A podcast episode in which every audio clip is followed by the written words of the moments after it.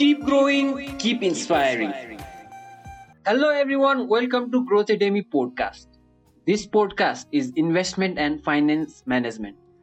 अब यो एपिसोडमा चाहिँ आई इन्भाइटेड मेरो साथी होइन प्लस टू बेलादेखिको साथी जो चाहिँ अब हाम्रो friends who remain friends for more than seven years become a family भन्छ नि यो साथी चाहिँ त्यस्तै हो क्या मेरो होइन अनि अर्को कुरा त यो साथी मेरो चाहिँ इन्भेस्टमेन्ट एडभाइजर पनि हो कि नेपाल स्टक मार्केटमा मैले यसलाई नसोधिकन इन्भेस्टमेन्ट पनि गर्दिनँ होइन?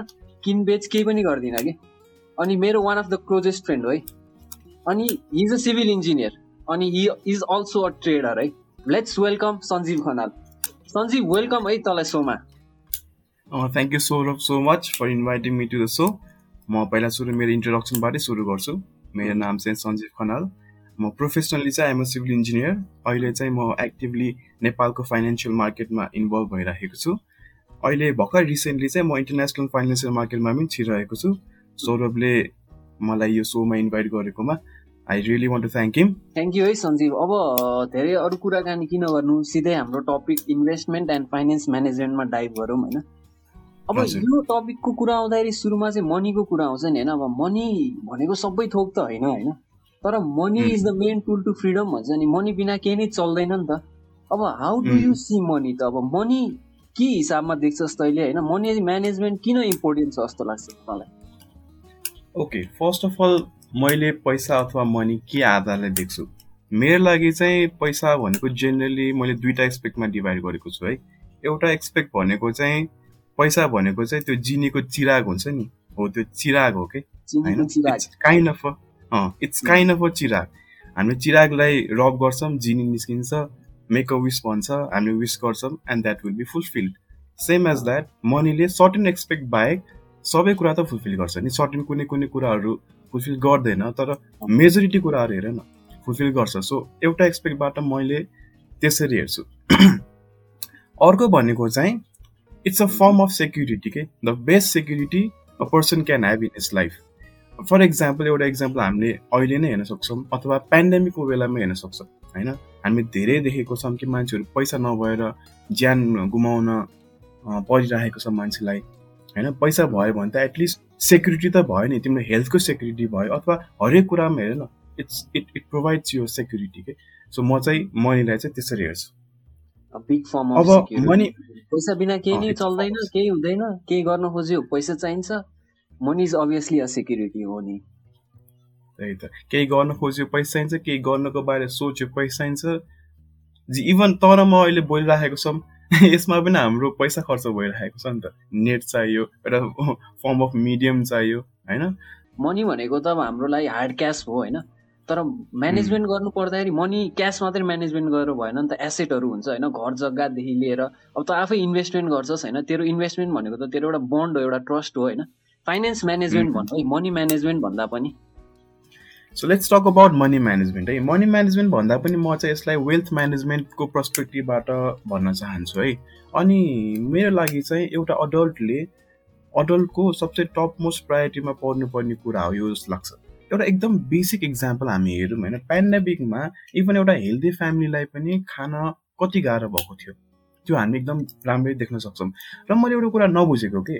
मलाई त के लाग्छ भन्दाखेरिमा जब हामी जन्मिन्छौँ नि यो वेल्थ म्यानेजमेन्टहरू सबै त्यहीँबाट आइसकेको हुन्छ कि? सबकन्सियसमा हाम्रो हुन्छ। एउटा इक्जाम्पल के हुनसक्छ भन्दाखेरिमा जस्तै म बच्चा हुँदाखेरि कोही मान्छे आएर मेरो घरमा ल बाबु चक्लेट खाऊ भने दुइटा चक्लेट दियो भने म दुइटा चक्लेट एकैचोटि घपा घप्ता खाँदिनँ नि त। एउटा चक्लेट म कहीँ राख्छु पछि खानुला भनेर होइन? त्यस्तै अर्को एउटा इक्जाम्पल कसले मलाई सय रुपियाँ दियो भने चक्लेट खानु दियो भन्यो भने अभियसली बच्चा बेलामा हाम्रो खुत्रुकी हुन्थ्यो। होइन? पचास रुपियाँ खुत्रुकीमा लगेर हालेर पचास रुपियाँको म चक्लेट किन्न जान्थेँ। त्यहीँबाट त्यति बेला त हामीलाई वेल्थ म्यानेजमेन्ट अथवा यो मनी म्यानेजमेन्ट भनेर त थाहा त हुँदैन नि। But still we do that के? तर एउटा कुरा मैले नबुझेको यो पछि गएर यसलाई कन्टिन्यू चाहिँ हामी किन गर्दैनौँ त? जब हामी अडोलेसेन्समा आउँछौँ जब हामी हामी अफिस जान्छौँ अथवा हामी स्यालेरी बेसिसमा काम गर्छौँ तब एन्ड अफ द मन्थ हाम्रोमा हाम्रो ब्याङ्क अकाउन्टमा स्यालेरी आउँछ। टेन्टेटिभ मैले धेरैजना देखेको छु के गर्छन् भन्दाखेरिमा स्यालेरी आउँछ आनन्दले खर्च गर्छन् एन्ड अफ द मन्थ जति बाँकी रह्यो त्यसलाई चाहिँ एज अ सेभिङ ल यति मेरो जम्मा भयो तर यस्तो गर्दाखेरिमा मान्छेलाई कति स्ट्रेस हुन्छ? एउटा एउटा इक्जाम्पल लिउँ है फेरि एउटा। मेरो आज स्यालेरी आयो सपोज लेट चाहिँ थर्टी थाउजन्ड मेरो स्यालेरी आयो। म साथी भाइलाई के भन्छु ल मेरो स्यालेरी आज कतै बस्छु न त भन्छु। आज ठिक छ आज म बस्छु म खर्च गर्छु मैले खासै धेरै सोच्दिनँ। नेक्स्ट विक मैले हल्का सोच्न थाल्छु। अर्को नेक्स्ट विक मलाई टेन्सन हुन थाल्छ कि ल है यो महिना त धेरै नै पैसा खर्च भयो सेभिङ नै हुँदैन होला भनेर। सो यो खर्च गर्दाखेरिमा हाम्रो के भइरहेको छ त मेन्टली हामीले खर्च गर्ने गर्दाखेरि पनि हामी आत्तिराखेको छौँ कि ल है मेरो सेभिङ हुँदैन क्या हुँदैन क्या भनेर। तर यही कुरालाई जब स्यालेरी आउँछ सर्टन अमाउन्ट छुट्याइदिएर छुट्याइदिएर बाँकीको अमाउन्ट खर्च गर्न थालौँ न। हामी बिन्दास खर्च गर्छौँ कि? त्यो माइन्डमा टेन्सनै हुँदैन बिकज हामीले अलरेडी सेभिङ गरिसकेका छौँ कि? होइन? सो अनि एउटा कुरा मैले नबुझेको हाम्रो यो जो जसको एउटा मात्रै ब्याङ्क अकाउन्ट छ नि उसले यो वेल्थ म्यानेजमेन्ट अथवा मनी म्यानेजमेन्ट कसरी गर्छ त? यो मैले बुझ्नै सकेको छैन कि? बिकज तिम्रो जब एउटा अकाउन्ट हुन्छ तिमीले कसरी पैसालाई चाहिँ एडजस्ट गर्छौ त? एटलिस्ट तिम्रो दुइटा अकाउन्ट भयो भने त एउटा मलाई लेट चाहिँ म सेभ गर्छु एउटाबाट चाहिँ खर्च गर्छु भनेर डिभाइड त गर्न सक्छु नि त। तर जब तिम्रो एउटा मात्रै अकाउन्ट हुन्छ that will be very hard त्यसै मेरो कन्सेप्टमा चाहिँ जसको एउटा मात्रै ब्याङ्क अकाउन्ट छ उसलाई चाहिँ सायद अलिकति मनी म्यानेजमेन्ट थाहा नभएको हो कि अथवा प्रपरली गर्न नसकेको हो कि जस्तो लाग्छ। ठिक छ। जे होस् लाइफमा अब फ्रिडम चाहिएको छ आफूले गर्न खोजेको कुराहरू गर्नु मन लाग्छ गर्नुपर्ने छ भने चाहिँ वेल्थ म्यानेजमेन्ट एकदम इम्पोर्टेन्ट हुन्छ होइन? वेल्थ म्यानेजमेन्ट बिना सायदै फाइनेन्सियली फ्री भइन्छ होला कि सायदै होइन हुँदै भइँदैन नि। वेल्थ म्यानेजमेन्टको सबसे नेसेसिटी कहिले थाहा हुन्छ थाहा छ मान्छेलाई? जब मान्छेको लाइफ एकदम राम्ररी चलिरहेको छ उसलाई केही कुराको मतलब हुँदैन कि? तर जब उसको लाइफमा प्रब्लम सुरु हुन थाल्छ नि तब उसले के रिग्रेट गर्छ भन्दाखेरिमा मैले पास्टमा यो गरेको भए आज यो हुन्थेन होला। होइन? एउटा इक्जाम्पल लिउँ जस्तै मैले पचास हजार रुपियाँ कमाउँछु अरे मेरो तिनजनाको फ्यामिली छ अरे एउटा बुढी छ एउटा बच्चा छ अरे सपोज होइन? मैले पचास हजार कमाउँछु आनन्दले महिना चलिरहेको छ। जस्तै लकडाउनको केस हेरौँ न त छ महिना लकडाउन हुन्छ भने कस्तो सोचेको थियो पहिलाको पालि? छ महिनामा मैले जतिसुकै सेभिङ होस् न र ठिक छ। खाना लाउनु मात्र परेको भए त मलाई खासै अप्ठ्यारो पर्ने थिएन होला। बट इन केस मेरो घरमा कोही बिरामी परिदिनु भएको भए मेरो हालत के हुन्थ्यो होला? त्यतिखेर त्यो मान्छे रियलाइज गर्छ कि मैले कुनै बेला मैले केही एसेट्स क्रिएट गरेको भए सायद आज त्यो एसेट्सहरू बेचेर अथवा मोर्ग्रेज राखेर मैले एटलिस्ट पैसा निकालेर केही न केही त गर्न सक्थेँ नि अथवा मैले मेरो हेल्थ इम्प्रुभ गर्न सक्थेँ नि भन्ने उसले त्यतिखेर रियलाइज गर्छ कि? सो त्यही भएर त्यो रियलाइज हुनुभन्दा अगाडि नै हामीले अलिकति अवेर भएर मनी म्यानेजमेन्ट स्टार्टिङदेखि नै गर्न थाल्यो भने चाहिँ हरेक कुरा होस् हरेक सिचुएसन होस् will be in the top of it मलाई चाहिँ त्यस्तो लाग्छ। ओके गुड पोइन्ट है सन्जु अनि अर्को कुरा त त इन्भेस्टिङमा लागेको मान्छे होइन। अब करोडौँको कारोबार नै गरिसकिस् नेपालको सेयर मार्केटमा होइन? अब यो इन्भेस्टमेन्ट र मनीको चाहिँ के रिलेसन छ जस्तो लाग्छ? वाइ इन्भेस्टमेन्ट इज इम्पोर्टेन्ट छ जस्तो लाग्छ तँलाई? ओके सबसे एकदम बेसिक कुरा वाइ इज इम्पो इन्भेस्टमेन्ट नेसेसरी भनेको इन्भेस्टमेन्ट जहिले पनि के को लागि गरिदिन्छ त भन्दाखेरिमा फ्युचर सेक्योर होस् भनेर के जस्तै कसैको ड्रिम हुन्छ होइन? जस्तै मलाई एउटा गाडी राम्रो गाडी चल्न मन लाग्यो भने कि त मसँग पुस्दै नै सम्पत्ति हुनु पऱ्यो त्यो किन्नलाई? कि त मैले सर्टन एउटा प्लानिङ बनाउनु पऱ्यो होइन? प्लानिङ बनाउनलाई चाहिँ कसरी बनाउनु त? म सेभिङ गरेर मात्रै मैले गाडी किन्न सक्छु भन्नलाई त मैले इन्कम नै त्यस्तै गर्नु पऱ्यो मेरो महिनामा लाखौँ लाख स्यालेरी आउनु पऱ्यो तर जेनरली नेपालीको केसमा त त्यस्तो छैन। So you need returns you need multipliable returns or compounding returns so compounding returns चाहिँ कसरी आउन सक्छ त? So that is the only source I see is investment के लिगल सोर्स इलिगली त धेरै कुरा हुन्छ बट हामी त लिगली जानुपर्छ. सो लिगलीमा चाहिँ के छ त? इन्भेस्टमेन्ट के investment is a tool that will help you to fulfil your dreams के इन अ इजी वे कि म त एकदम सजिलै छ के तिमी त्यस्तो धेरै खतरनाक एकदम पुरा नयाँ नयाँ गएर बिजनेसमै गएर फाइनेन्समै गएर राम्रो कुरा पढ्नुपर्छ भन्ने पनि छैन कि इट्स भेरी बेसिक एउटा सेक्टर चुज गर्ने हो अनि इन्भेस्टमेन्टको रिक्स हेर्ने हो कतिको छ and you just need to invest and यसलाई इन्फ्लेसनको पोइन्टबाट पनि हेर्न सकिन्छ नि होइन इन्भेस्टमेन्टलाई अब इन्फ्लेसन रेट अब भनौँ न हामीले युजली पैसा राख्ने भनेको ब्याङ्कमा होइन।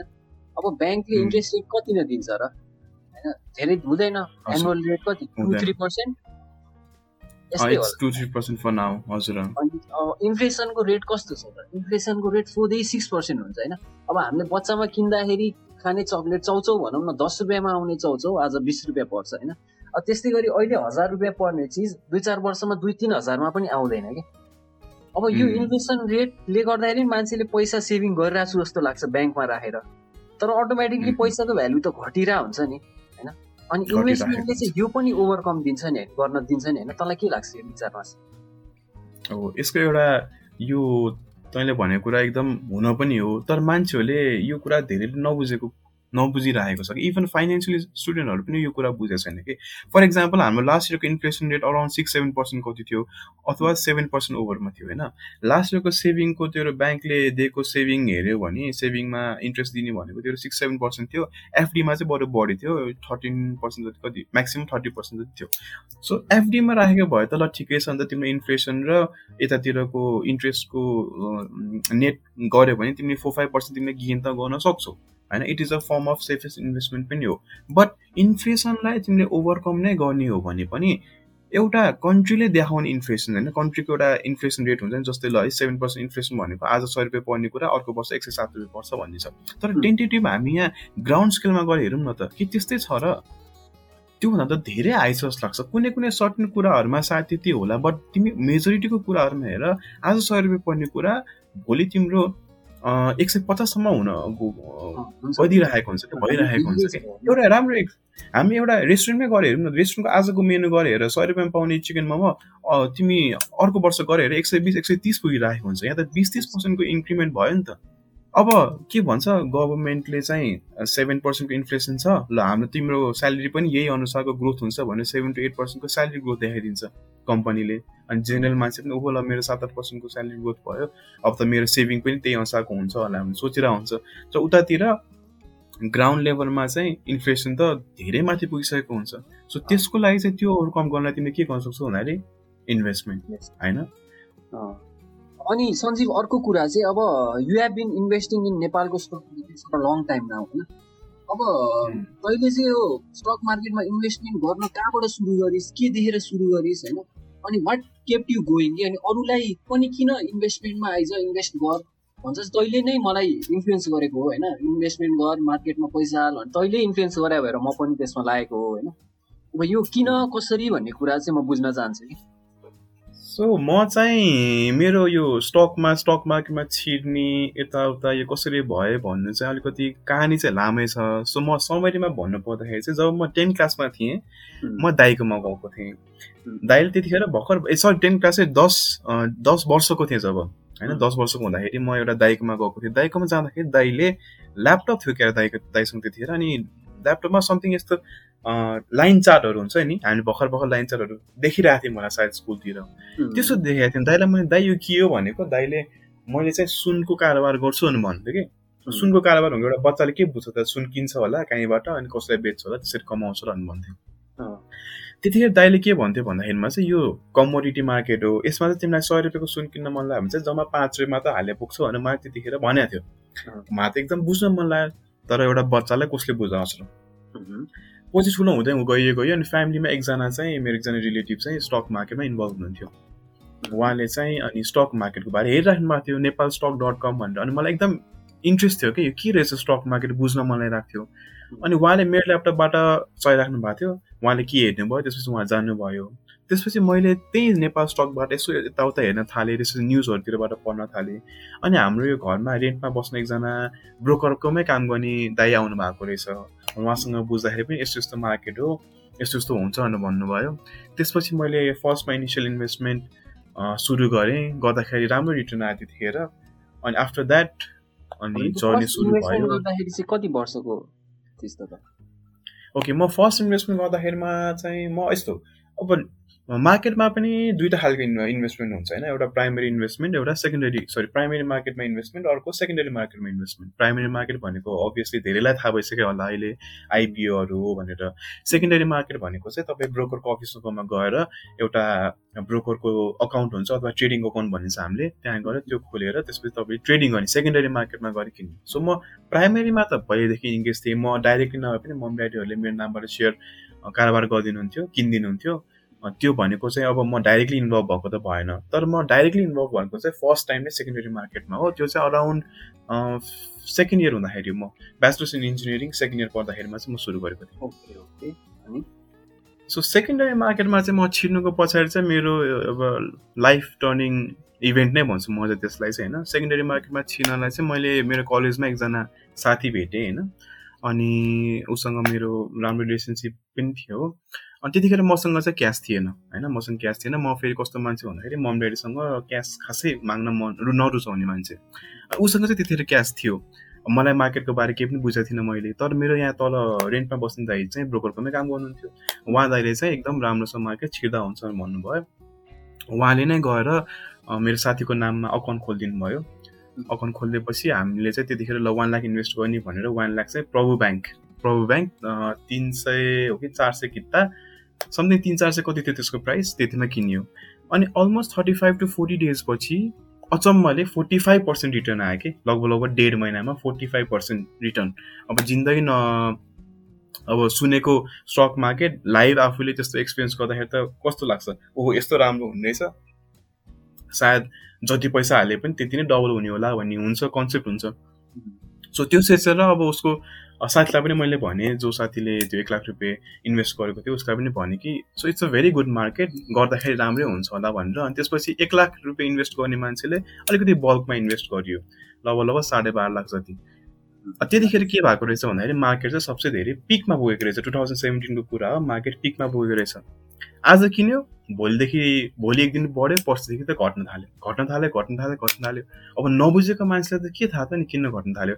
भोलि घट्यो भने पर्सि बढ्ला पर्सि घट्यो भने निको पर्सि बढ्ला हुन थाल्यो। बट पछि गएर बल्ल थाहा भयो कि त्यतिखेर त मार्केट पिकमा पुगेको रहेछ त्यसपछि त उसको त करेक्सन फेज सुरु भएको रहेछ। सो यो टाइम पिरियडमा जुन two thousand सेभेन्टिनदेखि two thousand nineteen twenty phase थियो जुन बेला नेप्से बियरिस मोडमा थियो त्यतिखेर म पढ्न थालेँ अध्ययन गर्न थालेँ कि किन घट्दो रहेछ किन बढ्दो रहेछ मार्केट कसरी चल्दो रहेछ। सो त्यहाँबाट चाहिँ म एक्चुअल ओके इन्ट्रेस्ट एकदमै धेरै बढ्यो अनि त्यसपछि म पढ्न थालेँ मैले फन्डामेन्टल एनालाइसिस पढ्न थालेँ मैले टेक्निकल एनालाइसिस पढ्न थालेँ अनि त्यसपछि बल्ल बुझेँ कि जुन डिसिजन हामीले टु थाउजन्ड सेभेन्टिनमा लिएको रहेछौँ that was the worst decision जब मार्केटबाट निस्कनु पर्थ्यो त्यतिखेर हामी मार्केटमा छिराइरहेछौँ सो त्यहाँबाट चाहिँ म अफिसियली राम्ररी नै सेकेन्डरी मार्केटमा नेपालको सेकेन्डरी मार्केटमा छिर्न थालेको।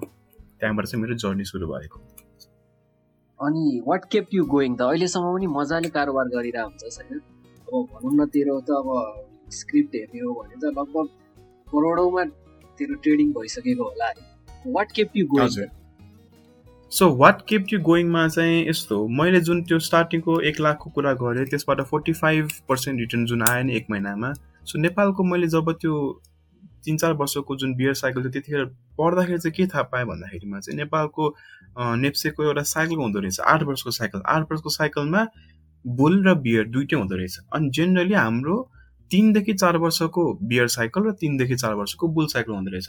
जसमा बियर जब म अफिसियल्ली सबै कुरा पढेर भ्याएर भ्याएर त नभए जस हल्का फुल्का आइडिया भइसकेपछि चाहिँ जुन साइकल सुरु हुनेवाला थियो त्यो चाहिँ बुल साइकल थियो। भनेको जुन साइकलमा मैले फोर्टी फाइभ पर्सेन्ट एक महिनामा कमाएँ। सो त्यो देखेर चाहिँ म चाहिँ प्रभावित भएर चाहिँ म चाहिँ ल आई सुड कन्टिन्यू दिस भनेर चाहिँ म यतातिर लागेको इन्भेस्टमेन्टको रिटर्न राम्रो देखिस् अनि अब त्यो रिटर्नले गर्दाखेरि युआर अर्निङ मनी होइन त? That is what kept that is what kept it going युए earning money भन्दा पनि I knew that I would earn money because I knew कि अब चाहिँ साइकल यस्तो हुनेवाला छ। मैले के चाहिँ सिकेँ भन्दाखेरिमा त्यो तिन चार वर्षमा चाहिँ अलिकति भयो भने मार्केटलाई प्रेडिट गर्न सिकेँ है त्यतिखेर। मैले फन्डामेन्टली फोकस गरेको थिएँ त्यतिखेर टेक्निकल त्यसरी फोकस गरेको थिइनँ फन्डामेन्टली पनि मलाई यति चाहिँ के पढाएको थिएँ भन्दाखेरिमा चाहिँ बुल र बियरको साइकल हुन्छ र अल्टिमेटली त्यो नेप्से चाहिँ घटेर चाहिँ लगभग लगभग हजारदेखि एघार सयसम्म आउँछ। त्यतिखेर चाहिँ इन्भेस्टमेन्ट गर्दाखेरि चाहिँ that would be the safest investment भनेर थाहा पाएर चाहिँ म आफ्टर द्याट चाहिँ म अब चाहिँ स्टक मार्केटमा इन्भल्भ हुनैपर्छ भनेर चाहिँ after that I enter in the stock market अनि इन्भेस्टमेन्टको बाटो देखेँ भनौँ न एज ए नेप्सेमा इन्भेस्ट गरेर। यो इन्भेस्टमेन्टमा लागेदेखि आई बिलिभ तेरो जस्ट लाइफ कहाँबाट कहाँ पुगेको छ होइन देखिएको पनि छ होइन। अब तैँले स्टक ट्रेडिङ गरिरहेछस् नेपालमा होइन अब लेट स्टक स्टक के? अब तैँले चाहिँ यो मार्केट कसरी चल्छ होइन अब कुन स्टक किन्यो भने मैले राम्रो रिटर्न पाउँछु कुन बेच्नु पर्यो होइन बाई सेल गर्ने एउटा टाइम पिरियड हुन्छ होइन त्यो चाहिँ के हिसाबमा डिसाइड गर्छस् होइन? अब हाम्रो अडियन्सलाई पनि अलिक बुझ्ने हिसाबमा चाहिँ यसलाई अलिकति आफ्नो इन्साइट्सहरू क्लियर गरिदिनु पर्यो जेनरली जहाँको पनि मार्केट हेर्ने हो भने दुईवटा खालको ट्रेडिङ हुन्छ। एउटा फन्डामेन्टल एनालिसिसको बेसीमा एउटा टेक्निकल एनालिसिसको बेसीमा होइन? फन्डामेन्टल एनालिसिस भनेको चाहिँ जेनरली अलिकति लङ टर्मको लागि हुन्छ होइन? सर्ट टर्म भन्दा पनि लङ टर्म अनि टेक्निकल एनालाइसिसले चाहिँ बोथ लङ टर्म पनि गर्न सक्छ सर्ट टर्म पनि गर्न सक्छ र मिड टर्म पनि गर्न सक्छ। नेपालको मार्केटमा चाहिँ इफ तिमी लङ टर्म इन्भेस्टमेन्ट गर्ने हो भने त्यसको लागि चाहिँ तिमीले फन्डामेन्टल हेर्ने हो होइन? तर मैले यहाँ देखेको चाहिँ धेरैजना दिग्गज मान्छेहरू जुन पहिल्यैदेखि लगाइराख्नु भएको छ उहाँहरू सबैजना फन्डामेन्टल एनालाइसिस गरेर स्टक किन्नुहुन्छ मैले देखेको। तर अहिलेको जुन मार्केट छ नि यो अहिलेको जुन टु थाउजन्ड ट्वेन्टीदेखि टु थाउजन्ड ट्वेन्टी वानको जुन मार्केट भयो नि यतिखेर फन्डामेन्टल एनालाइसिस गरेर चाहिँ किनेको भए चाहिँ मान्छेहरूले त्यस्तो साह्रो रिटर्न नपाउन नै सक्थे। होइन? अब म चाहिँ कसरी गर्छु भन्दाखेरि चाहिँ म चाहिँ स्टार्टिङमा फन्डामेन्टल एनालाइसिस पढेको भनेर मैले भनिसकेको थिएँ। पछि गएर जब मैले टेक्निकल एनालाइसिस पढेँ टेक्निकल एनालाइसिस भनेको चाहिँ एकदम स्विफ्ट एनालाइसिस भनेको यु क्यान प्रेडिक्ट कि अब चाहिँ के हुनसक्छ जुन फन्डामेन्टल एनालाइसिस चाहिँ प्रेडिक्ट गर्न सक्ने सक्दैन। सो म चाहिँ बेसिकली टेक्निकल एनालाइसिस पढेर अनि त्यहीलाई नै एप्लाई गरेर चाहिँ अहिले ट्रेडिङ गरिरहेको छु। सो अब बाइसेलको कुरामा चाहिँ म बाइसेल कसरी गर्छु भन्दाखेरि चाहिँ अब टेक्निकल एनालाइसिसमा चाहिँ त्यहाँनिर इन्डिकेटर हुन्छ। अथवा हाम्रो different forms of technical analysis हुन्छ जस्तै प्राइस एक्सन भयो होइन? ट्रेन्ड कस्तो छ? अथवा सपोर्ट रेस्टेन्ट अथवा एकदम बेसिक नै हेर्ने हो भने एमएसिडी क्रस अथवा इएमए क्रस यो सबै इन्डिकेटरहरू अथवा टेक्निकल एनालाइसिसको टर्म्सहरूले चाहिँ हामीलाई कुनै पनि एउटा चार्ट हेर्दाखेरिमा चाहिँ त्यहाँ कहाँ गएर बाई गर्दाखेरि बेटर छ अथवा कहाँ गएर बाई गर्दाखेरि सेफ छ? र त्यहाँ गएर त्यो प्राइस आइसकेपछि चाहिँ त्यसपछि यसको प्रोभाबिलिटी कस्तो छ त? माथि जाने छ कि तल जाने छ? इफ माथि जाने छ भने इन्ट्री गर्ने तल जाने छ भने आफूसँग भएको स्टक बेचेर स्टप लस गरिदिने होइन? त्यही टेक्निकल एनालाइसिसको इन्डिकेटरहरू अथवा एनालाइसिस गर्दाखेरिमा चाहिँ कस्तो देखिन्छ चार्टको फर्मेसन कस्तो छ त्यही हेरेर चाहिँ म बाइस गर्छु। अब इन्भेस्टमेन्टको कुरा आउँदाखेरि it is not all about earning नि त होइन? इन्भेस्टमेन्ट गरेको मैले कमाउँछु मात्रै भनेर होइन? त्यहाँ मनी म्यानेजमेन्टको कुरा पनि आउँछ नि होइन? अब तैँले अघि जस्तो सुरुमा कुरा गरेको थिइस् वेल्थ म्यानेजमेन्ट इम्पोर्टेन्ट हुन्छ र इन्भेस्टमेन्ट भनेको वेल्थ म्यानेजमेन्टको एउटा इम्पोर्टेन्ट फ्याक्टर हो। तर इन्भेस्टमेन्ट गरेको तैँले मनी अर्निङ गर्न मात्रै होइन नि त मनी म्यानेजमेन्ट पनि इन्भल्भ हुन्छ नि यहाँ होइन? अब यो मनी म्यानेजमेन्टको कुरा गर्दाखेरि लोन्स आउँछ क्रेडिट्स आउँछ होइन? अब हाम्रो अहिलेको मार्केटमा हेर्दाखेरि भनौँ न धेरै मान्छेहरू लोन लिएर पनि इन्भेस्टमेन्ट गरिरहेको हुन्छन्। कतिले लोन लिएर घर बनाएको हुन्छन् होइन?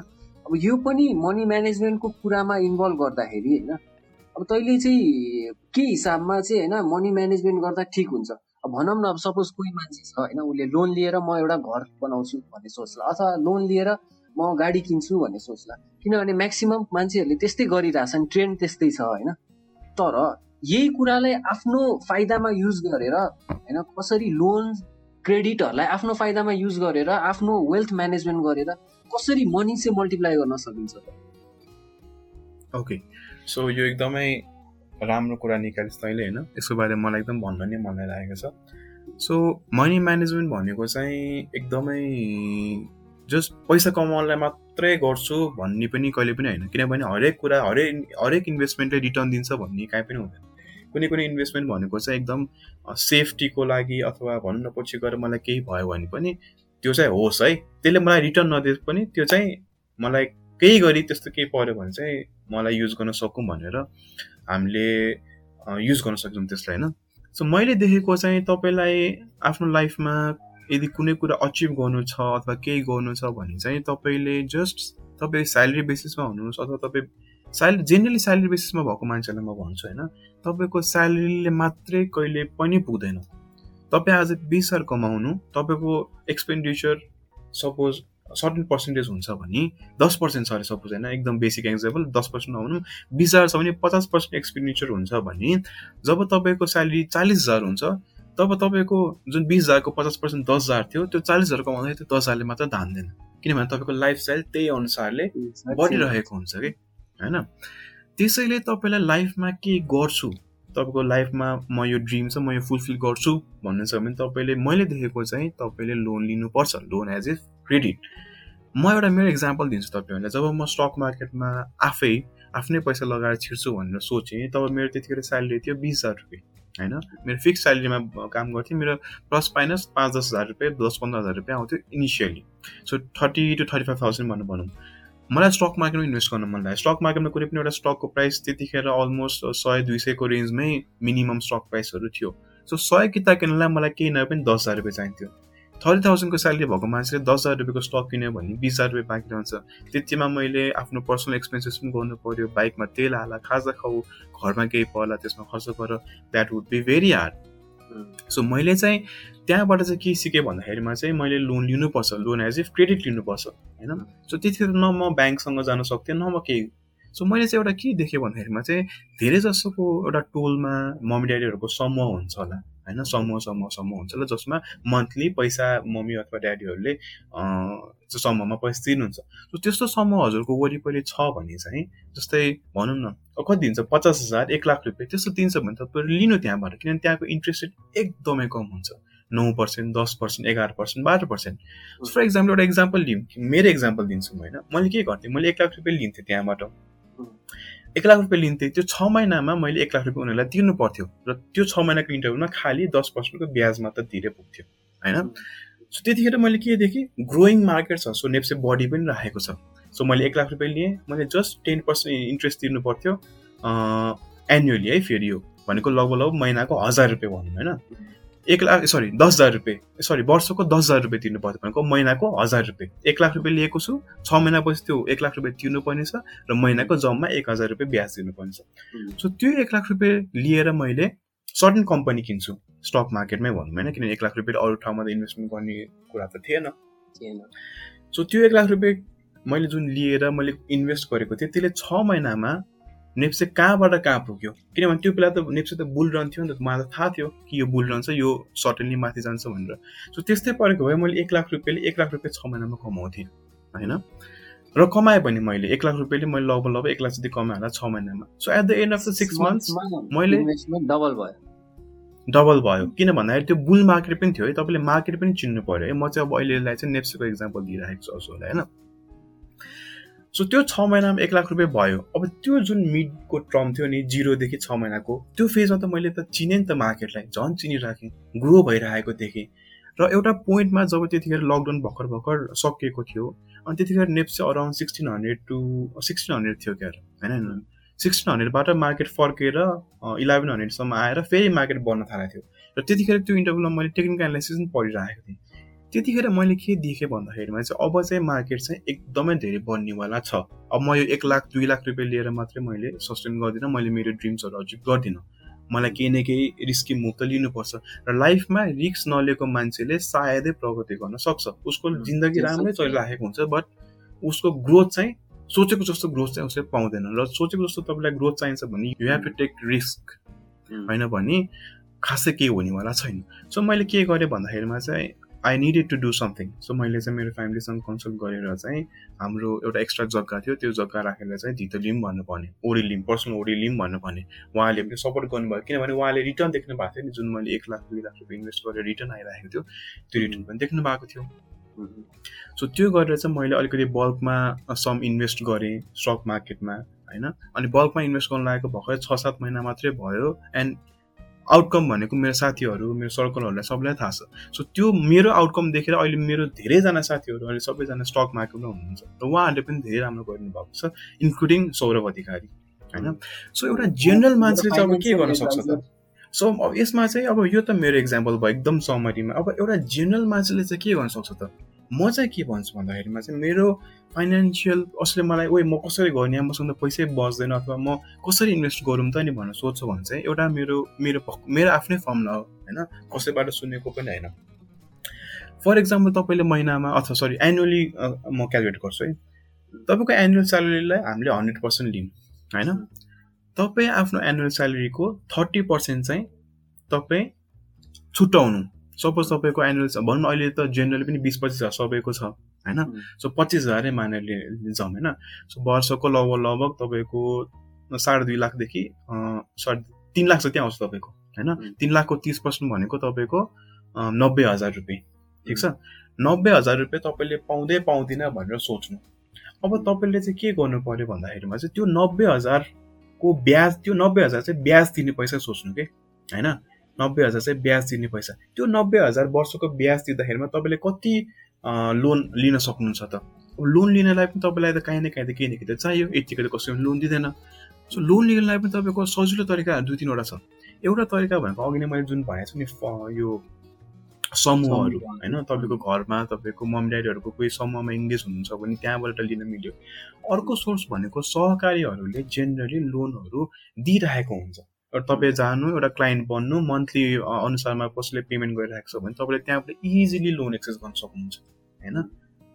त्यो भयो। अथवा तपाईँको कोही रिलेटिभ अथवा कोही मान्छेले तपाईँलाई भनौँ न ल बाबु चलाउन दिन्छु तिमीलाई ल मलाई चाहिँ यति पर्सेन्ट देऊ भने मैले त्यस्तो पनि मान्छेहरू भेटेको छु है फेरि। यस्तो त हुँदैन भनेर भन्नुहुन्छ भने चाहिँ मैले मेरो साथीहरूमै त्यस्तो मान्छेहरूसँगबाट लोन लिएर दस बाह्र वर्षमा लोन लिएर छ महिना एक वर्षको लागि त्यस्तोबाट इन्भेस्ट पनि गरेको देखिरहेको छु सो के गर्नु? तपाईँको हन्ड्रेड पर्सेन्ट अर्निङ छ थर्टी पर्सेन्ट चाहिँ यसरी छुट्याउने कि त्यसले चाहिँ सर्टेन कुराको ब्याज दिने पैसा पुगोस्। सो हामीले क्यालकुलेट नै गऱ्यौँ भने पनि बाह्र पर्सेन्टको दरले तपाईँको नब्बे हजारकोले एक दस सय हजार दस हजार divided by point one two so लगभग लगभग सात साढे सातको लोन लिन मिल्छ तपाईँले। अब त्यत्रो धेरै रिक्स लिँदैन भने नलिनु। जति लिनु सक्छु त्यति लिनु न त होइन? सपोज एक लाख लिनु अथवा दुई लाख लिनु अथवा तिन लाख लिनु तर लिन चाहिँ लिनु। किनभने तपाईँले जिन्दगीमा लोन लिनु डराउनु भयो भने सायद तपाईँ अगाडि बढ्न धेरै नै डराउनुहुन्छ। किनभने लोन लिएको पैसाको एडभान्टेज रिक्स बिना अगाडि बढ्नलाई गाह्रो हुन्छ होइन? यो मनीको मात्र यो काम लाग्ने कुरा हो। र कति मान्छेहरू चाहिँ यो रिक्स लिन डराउँछ नि? अब लोन लियो लोन लिएपछि तिर्नुपर्छ कहाँबाट तिर्ने? पैसा छैन ओहो। यो कन्सेप्ट चाहिँ क्लियर गर्नु पर्यो पहिला आफ्नो दिमागबाट होइन त? क्लियर गर्नु पर्यो एकदमै। त्यही भएर मैले के भनेको छु भन्दाखेरिमा स्यालेरीको म चाहिँ झन् एउटा अर्को फर्मलाई यहीँबाट म जम्मा गर्न थालेँ। जस्तै तपाईँको भने नि वर्षमा अर्निङ तिन लाख रुपियाँ छ भने तपाईँ तिन लाख बढेको चाहिँ लोन लिँदै नलिनु होइन? तपाईँको नाइन्टी थाउजन्ड मैले त्यो ब्याज तिर्नलाई पैसा छुट्याउनु भनेर भनेको छु त्यो नाइन्टी थाउजन्डको साढे सात लाख रुपियाँ आउँछ तपाईँको त्यो साढे सात लाख रुपियाँ नलिनु। किनभने तपाईँको केही त्यो साढे सात लाख रुपियाँ डुब्यो भने तपाईँले स्यालेरी बेसमा त तिर्दा पनि दुई तिन वर्ष तपाईँको एक्स्ट्रा जान्छ। त्यसैले तिन लाख रुपियाँ कमाउनुहुन्छ डेढ लाख रुपियाँ लोन लिनु अथवा दुई लाख रुपियाँ लोन लोन लिनु होइन? त्यति त तपाईँको डुब्यो भने एटलिस्ट तपाईँले त अर्को वर्ष अलिकति आफ्नो एक्सपेन्सेसहरू कम गरेर त्यसलाई रिभाइभ त गर्न सक्नुहुन्छ केही सिकिन्छ होइन त्यो पैसा मात्रै सिकिन्छ। कुरा पनि आउँछ। यस आउँछ। र तपाईँको सोच्नु न त दुई लाख रुपियाँ इन्भेस्ट गरेर तपाईँको एक वर्षमा एक लाख रुपियाँ मात्र कमाउनु भयो पनि त्यो एक लाख रुपियाँ त फोकटमा आएको आएन। फोकटमा आएन तपाईँको एक लाख रुपियाँ त होइन? यो भनेको तपाईँको जस्ट स्यालेरी बेसिसको लागि मान्छेको लागि मात्र जसले फिक्स स्यालेरी पाउँछ। अब अर्को जेनरल नेपालमा के ट्रेन्ड छ भन्दाखेरि पनि जस्तै हामी इन्जिनियरहरूको त धेरै नै देखिरहेको कुरा एउटा स्यालेरी हुन्छ र एउटा एक्स्ट्रा कमाइ हुन्छ। एक्स्ट्रा कमाइ भनेको तपाईँको साइड बार हुनसक्छ अथवा तपाईँले कुनै आउटसोर्सिङ काम गर्न सक्नुहुन्छ अथवा तपाईँले फ्रिलान्सको काम गर्न सक्नुहुन्छ होइन? म चाहिँ के भन्छु जुन तपाईँको स्यालेरी छ त्यसकोबाट थर्टी पर्सेन्ट लिनु र तपाईँको जुन एक्स्ट्रा कमाइ छ सक्नुहुन्छ भने त्यसबाट हन्ड्रेड पर्सेन्ट लिनु। कि त्यो भनेको चाहिँ तपाईँको केही पऱ्यो पनि स्यालेरी छँदैछ। त्यो एक्स्ट्रा कमाइ भनेको त एक्स्ट्रा हो नि त ओभर टाइम गरेर जस्तै आएको हो नि त। त्यसलाई चाहिँ रिक्स एज अ रिक्स तपाईँले युटिलाइज गर्न सक्नुहुन्छ कि तपाईँ त्यो पैसा युटिलाइज गर्ने डराउनु भयो भने त तपाईँको एउटा सोच एउटा एउटा एम कसरी अचिभ गर्न सक्नुहुन्छ? त कि एमै छैन भने त ठिक छ केही पनि नगर्नु यतिकै जसरी छ त्यसरी चलाए चलिरहेको छ भनेर बस्नु। होइन तपाईँको केही एम छ तपाईँको केही ड्रिम छ भने रिक्स लिनु पऱ्यो सो त्यो जुन एक्स्ट्रा कमाएको छ त्यसको हन्ड्रेड पर्सेन्ट र जुन तपाईँको स्यालेरी छ त्यसको थर्टी पर्सेन्ट। त्यो मिलाएर जति पैसा हुन्छ सक्नुहुन्छ भने मैले अघि नै भने जस्तै कहीँबाट लोन लिएर एज एन इन्स्टलमेन्ट लिए पनि भयो अथवा जस्ट ब्याज मात्र तिर्छु भनेर लिए पनि भयो। त्यसै लि लिनु सक्यो भने ठिक छ। होइन मलाई त्यस्तो लोनसँग डर लाग्छ भनेर सोच्नु भने एक वर्षमा त्यति पैसा जम्मा गर्नु अनि त्यसपछि जति हुन्छ त्यसलाई इयर एन्डमा गएर इन्भेस्ट गर्नु अथवा सबसे राम्रो फर्म भनेको चाहिँ तपाईँको कम्पाउन्डिङ इन्भेस्टमेन्ट भनिन्छ। जुन वर्ल्ड वाइड सबैले गरिरहेको कुरा र this is the best form of investment that I also do यसमा के हुन्छ भन्दाखेरिमा चाहिँ अघि नै के कुरा म गर्छु सपोज तपाईँको स्यालेरी स्यालेरी हामीले हन्ड्रेड पर्सेन्ट मानौँ र तपाईँको भनौँ न तिन तिन लाख जति छ भनेर मानौँ होइन? सो कम्पाउन्डिङ भनेर चाहिँ कस्तो भन्दाखेरिमा चाहिँ स्यालेरीको सर्टेन पर्सेन्ट हरेक महिना as a form of investment you utilize गर्ने। र एट द एन्ड त्यो बढ्दै गएर कम्पाउन्डिङ हुँदै गएर तपाईँको एउटा फिक्स टर्ममा चाहिँ मल्टिप्लाई होस् भने सो एउटा इक्जाम्पल लिन सकिन्छ कि सपोज तपाईँको एउटा फिक्स फ्याल एउटा फिक्स स्यालेरी भनौँ एउटा फिक्स स्यालेरी भएको मान्छे ए सौरभ अधिकारी र एउटा fix salary plus extra income भएको मान्छे सञ्जीव खनाल। हामी दुईजना छौँ ल सो हामी दुइटा एउटा दुइटा इक्जाम्पल लिउँ है त यो कम्पाउन्डिङको केसमा सौरभ अधिकारी जसको फिक्स स्यालेरी छ फिफ्टी थाउजन्ड र सञ्जीव खनाल जसको फिक्स स्यालेरी छ थर्टी थाउजन्ड र एक्स्ट्रा कमाइ गरेर लगभग लगभग ट्वेन्टी थाउजन्ड कमाउँछ। सौरभ अधिकारले के गर्न सक्छ भन्दाखेरिमा चाहिँ कम्पाउन्डिङले कसरी युटिलाइज गर्न सक्छ भन्दाखेरिमा चाहिँ fifty percent fifty थाउजन्डको thirty percent as an investment initially जुन उसले सेभिङ गरिरहेको छ त्यसलाई चाहिँ अब जसले उसले फोर्टी पर्सेन्ट फिफ्टी थाउजन्डको सेभिङ गरिरहेको छ अनि अब फोर्टी पर्सेन्ट मात्रै थर्टी पर्सेन्ट चाहिँ इन्भेस्टमेन्ट गर्छ टेन पर्सेन्ट चाहिँ उसले ब्याङ्कमा एज अ सेभिङ राख्छ।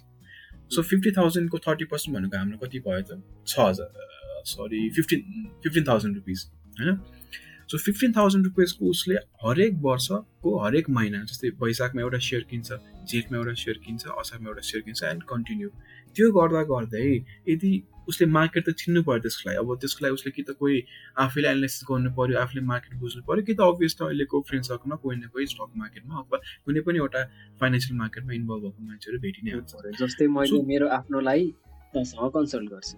त्यस्तो भएको जस्तै यस सो त्यो गर्नु भयो भने तपाईँको इन्भेस्टमेन्ट जुन ब्याङ्कमा हाल्नुहुन्छ त्यसले जस्ट रिटर्न कति दिन्छ त? दस पर्सेन्ट हार्डली अहिले त। तपाईँको एफडीमा कति छ? दस पर्सेन्ट पनि छैन। नौ दस नौ पर्सेन्ट जति छ क्या आठ नौ पर्सेन्ट तपाईँ त्यो पैसा यतातिर म चाहिँ स्टक मार्केटमा एक्जा इक्जाम्पल दिन्छु। स्टक मार्केटमा हाल्नु होइन? महिनाको पन्ध्र हजार रुपियाँ। तपाईँको सपोज एउटा कम्पनी किन्नुभयो जसको स्टक प्राइस दुई सय रुपियाँ छ अरे। दुई सय रुपियाँको किन्नुभयो भने तपाईँको जुन ब्याङ्कले एक वर्ष लगाएर तपाईँलाई दस पर्सेन्ट दिन्छ तपाईँको एक वर्षभरिमा त्यो कम्पनीले एक दिन मात्रै सर्किट लगाए पनि तपाईँको दस पर्सेन्ट त्यही रिटर्न आउँछ अब सोच्नु कि बुल मार्केटमा त्यो कम्पनीले कतिचोटि सर्किट लान सक्ने होइन? हामी यो सर्किटको कुराहरू नगर्नु धेरैजनाले नबुझ्नु नै सक्नुहुन्न तर एट द एन्ड तपाईँ रिजल्ट हेर्नुभयो भने चाहिँ अहिलेको स्टक मार्केटमा को रिजल्ट हेर्नुभयो भने एक वर्ष अगाडि स्टक मार्केट बाह्र सय इन्डेक्समा थियो भने अहिले लगभग लगभग उनातिस सय इन्डेक्समा छ जस्ट इन्डेक्स इन्डेक्स नै हजुरको वान हन्ड्रेड प्लस टाइम्सले ग्रो भइसक्यो। सरी वान हन्ड्रेड पर्सेन्टले ग्रो भइसक्यो। सो सोच्नु त तपाईँले कम्पाउन्डिङ लास्ट इयरदेखि कम्पाउन्डिङ गर्दै आइराख्नु भएको भए तपाईँको इन्भेस्टमेन्ट कति हुन्थ्यो? लगभग तपाईँको दुई लाखको इन्भेस्टमेन्ट अथवा एक लाख नब्बे हजारको इन्भेस्टमेन्ट केही नभए पनि easily three lakhs plus plus भइसकेको हुन्थ्यो कि? Easily so this is the power of compounding अब यो भयो सौरभ अधिकारको केस अब मेरो केस लिएर हेरौँ। मैले के भनेको छु? जब तपाईँको फिक्स्ड इन्कम र एक्स्ट्रा इन्कम दुइटै हुन्छ तब फिक्स्ड इन्कमको थर्टी पर्सेन्ट र सक्नुहुन्छ भने एक्स्ट्रा इन्कमको सबै इन्भेस्ट गरिदिनु। किनकि एक्स्ट्रा इन्कम भनेको एक्स्ट्रा आएको पैसा हो। त्यो गए पनि खासै फरक पर्दैन है भनेर तपाईँले आफूले आफूलाई चित्त बुझाउनुपर्छ। किनभने त्यसले नै तपाईँलाई दिने हो नि त त्यो त। हावामा उडाएको त होइन नि त खाइसकेको त होइन। त्यो त इन्भेस्टमेन्ट गरेको इन्भेस्टमेन्टमा इज अलवेज रिक्स सो रिक्स लिनु पऱ्यो होइन? सो मैले त्यसरी गरेको भए मैले कति इन्भेस्टमेन्ट गर्थेँ त भन्दाखेरिमा? थर्टी थाउजन्डको फिफ्टिन पर्सेन्ट भनेको लगभग लगभग टेन्टेटिभ कति हुन जान्छ त भन्दाखेरिमा? लगभग लगभग फोर्टी फाइभ हन्ड्रेड हुन्छ क्या थर्टी थाउजन्डको सरी थर्टी थाउजन्डको थर्टी पर्सेन्ट है? सो नौ हजार रुपियाँ सो नौ हजार रुपियाँ म मेरो के अरे फिक्स स्यालेरीबाट गर्छु र बाँकीको ट्वेन्टी थाउजन्ड भनेको मेरो एक्स्ट्रा इन्कमबाट गर्छु। लगभग लगभग ट्वेन्टी नाइन थाउजन्ड भनेपछि हामी ट्वेन्टी फाइभ थाउजन्ड लियौँ होइन। सो मैले at the year end of the year twenty five थाउजन्डलाई तर मैले त्यही फिफ्टी थाउजन्डमा मेरो एक्स्ट्रा इन्कम बिस हजार रुपियाँ हुन्छ जुन मैले अलिक बढी रिक्स लिन्छु भने मैले सपोज हन्ड्रेड पर्सेन्ट रिक्स लिएर लगभग लगभग महिनाको ट्वेन्टी फाइभ थाउजन्ड इन्भेस्ट गरेँ भने मेरो इयर एन्डमा खालि इन्भेस्टमेन्ट मैले मात्र गरेको लगभग लगभग तिन लाख रुपियाँ पुग्छ। एन्ड इफ द मार्केटले मलाई सपोर्ट गर्यो भने त्यो तिन लाख रुपियाँ पाँच लाख रुपियाँ कन्भर्ट त्यसमा कन्भर्ट हुन केही पनि गाह्रै हुँदैन this is the beauty of compound investment के जुन धेरैजना ठुल्ठुलो मान्छे चाहिँ अब वाइन बफरहरू हेर्नु अथवा जो पनि इन्भेस्टरहरू छ सबैजनाले यसलाई नै प्रिफर गर्छ कि कम्पाउन्ड इन्भेस्टमेन्ट गर्नु भनेर कि। बिकज इट इज रिक्स फ्री के। तपाईँको इन्कमको थर्टी पर्सेन्ट तपाईँले इन्भेस्ट गर्दाखेरिमा त्यो जुवा खेलेको पनि होइन केही पनि होइन कुनै पनि स्टकको प्राइस जिरो हुन्छ त्यस्तो हुँदैन कि। हजारवटा स्टकमा एउटा स्टकको प्राइस जिरो जाँदा।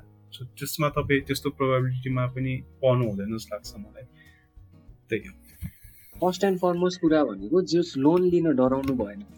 रिक्स लिन डराउनु भएन।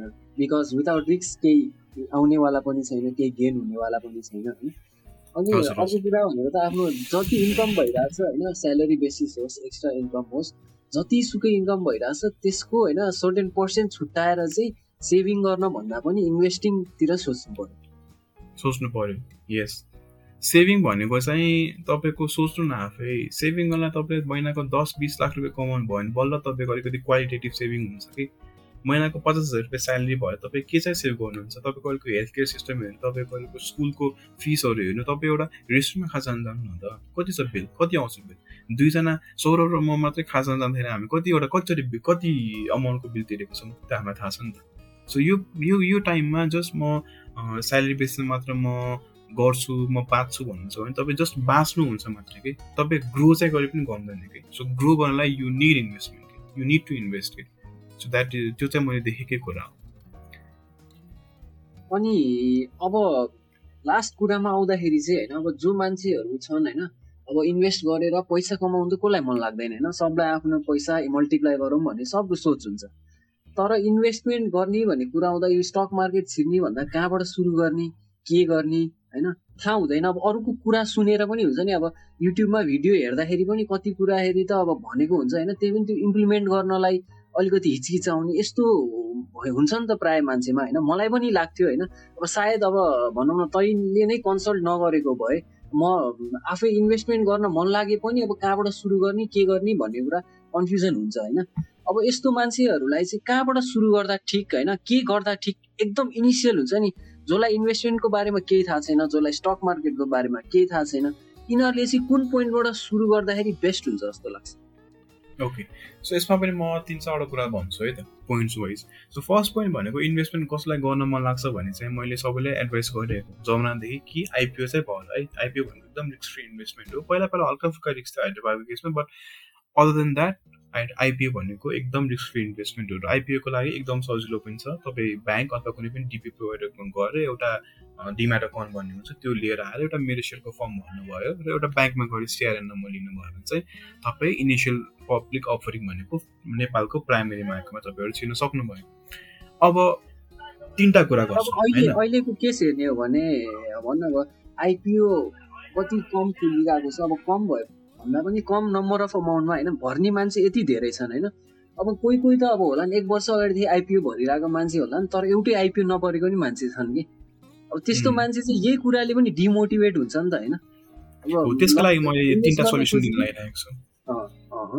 ओके सो तिनवटा सोल्युसनमा फर्स्ट सोल्युसन भनेको चाहिँ सबसे गाह्रो लाग्ने र सबसे टिरियस सोल्युसन तर रिटर्न राम्रो भएको भनेको चाहिँ आफै अलिकति भयो भने अध्ययन गर्नुहोस् पढ्नुहोस्। फन्डामेन्टल एनालाइसिस पढिनु पढ्नुहोस् टेक्निकल एनालाइसिस पढिनु पढ्नुहोस् जुन धेरैजनाले पढ्नु हुँदैन। सो यो भनेको चाहिँ अब सक्नुहुन्छ भने चाहिँ फन्डामेन्टल अथवा टेक्निकल एनालिसिस पढ्नु भन्छु म चाहिँ। तर सक्नुहुँदैन भने चाहिँ अर्को दुइटा अप्सन पनि धेरै राम्रो छ। एउटा भनेको चाहिँ तपाईँको अब अभियसली फ्रेन्ड सर्कलमा अहिलेको केसमा म स्टार्टिङमा नै भनेको थिएँ। कोही न कोही चाहिँ मार्केटतिर लगाइरहेको मान्छे तपाईँ देख्नुहुन्छ।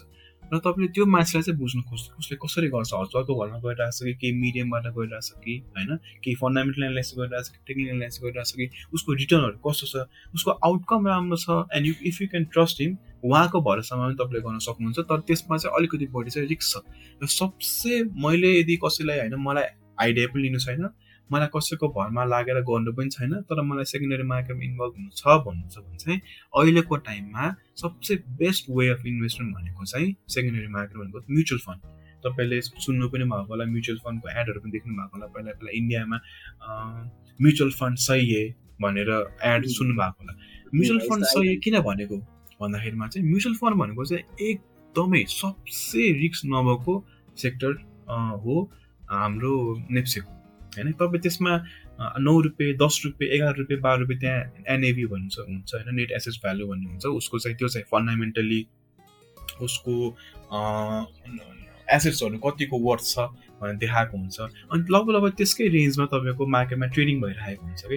अब म चाहिँ म्युचुअल फन्डमा चाहिँ किन जानु भनेर भने किन सबसे सेफेस्ट वे किन छ भनेर भन्दाखेरि तपाईँसँग सपोज एक लाख रुपियाँ छ भने तपाईँले त्यो ब्याङ्कमा हाल्नुभयो भने अहिलेको दिन्छ सात आठ पर्सेन्ट दिन्छ तर त्यही कुरा तपाईँ म्युचुअल फन्डमा हाल्नु अहिलेको टाइममा होइन?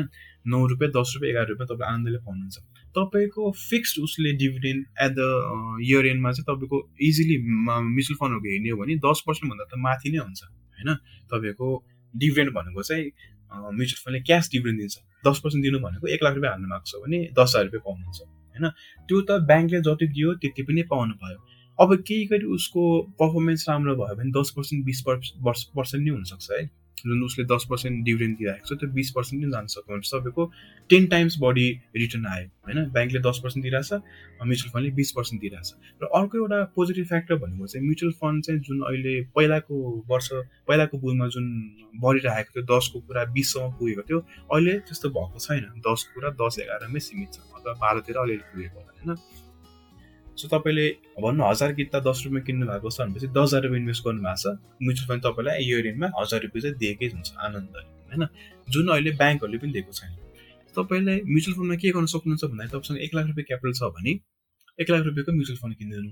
दस रुपियाँ एघार रुपियाँ बाह्र रुपियाँ आनन्दले पाइरहेको हुन्छ। लेट चाहिँ तपाईँको कति आयो त दस हजार किता आयो। होइन दस हजार किता म्युचुअल फन्डको तपाईँ किन्नुभयो तपाईँलाई यहाँ फाइदा कसरी हुन्छ भन्दाखेरिमा चाहिँ इयर एन्डमा म्युचुअल फन्ड राम्रै पर्फर्मेन्स गरेको छ भने पन्ध्र पर्सेन्ट बिस पर्सेन्ट क्यास डिभिडेन्ड इजिली दिन सक्छ होइन? सो एक लाख रुपियाँ हाल्नु भएको छ।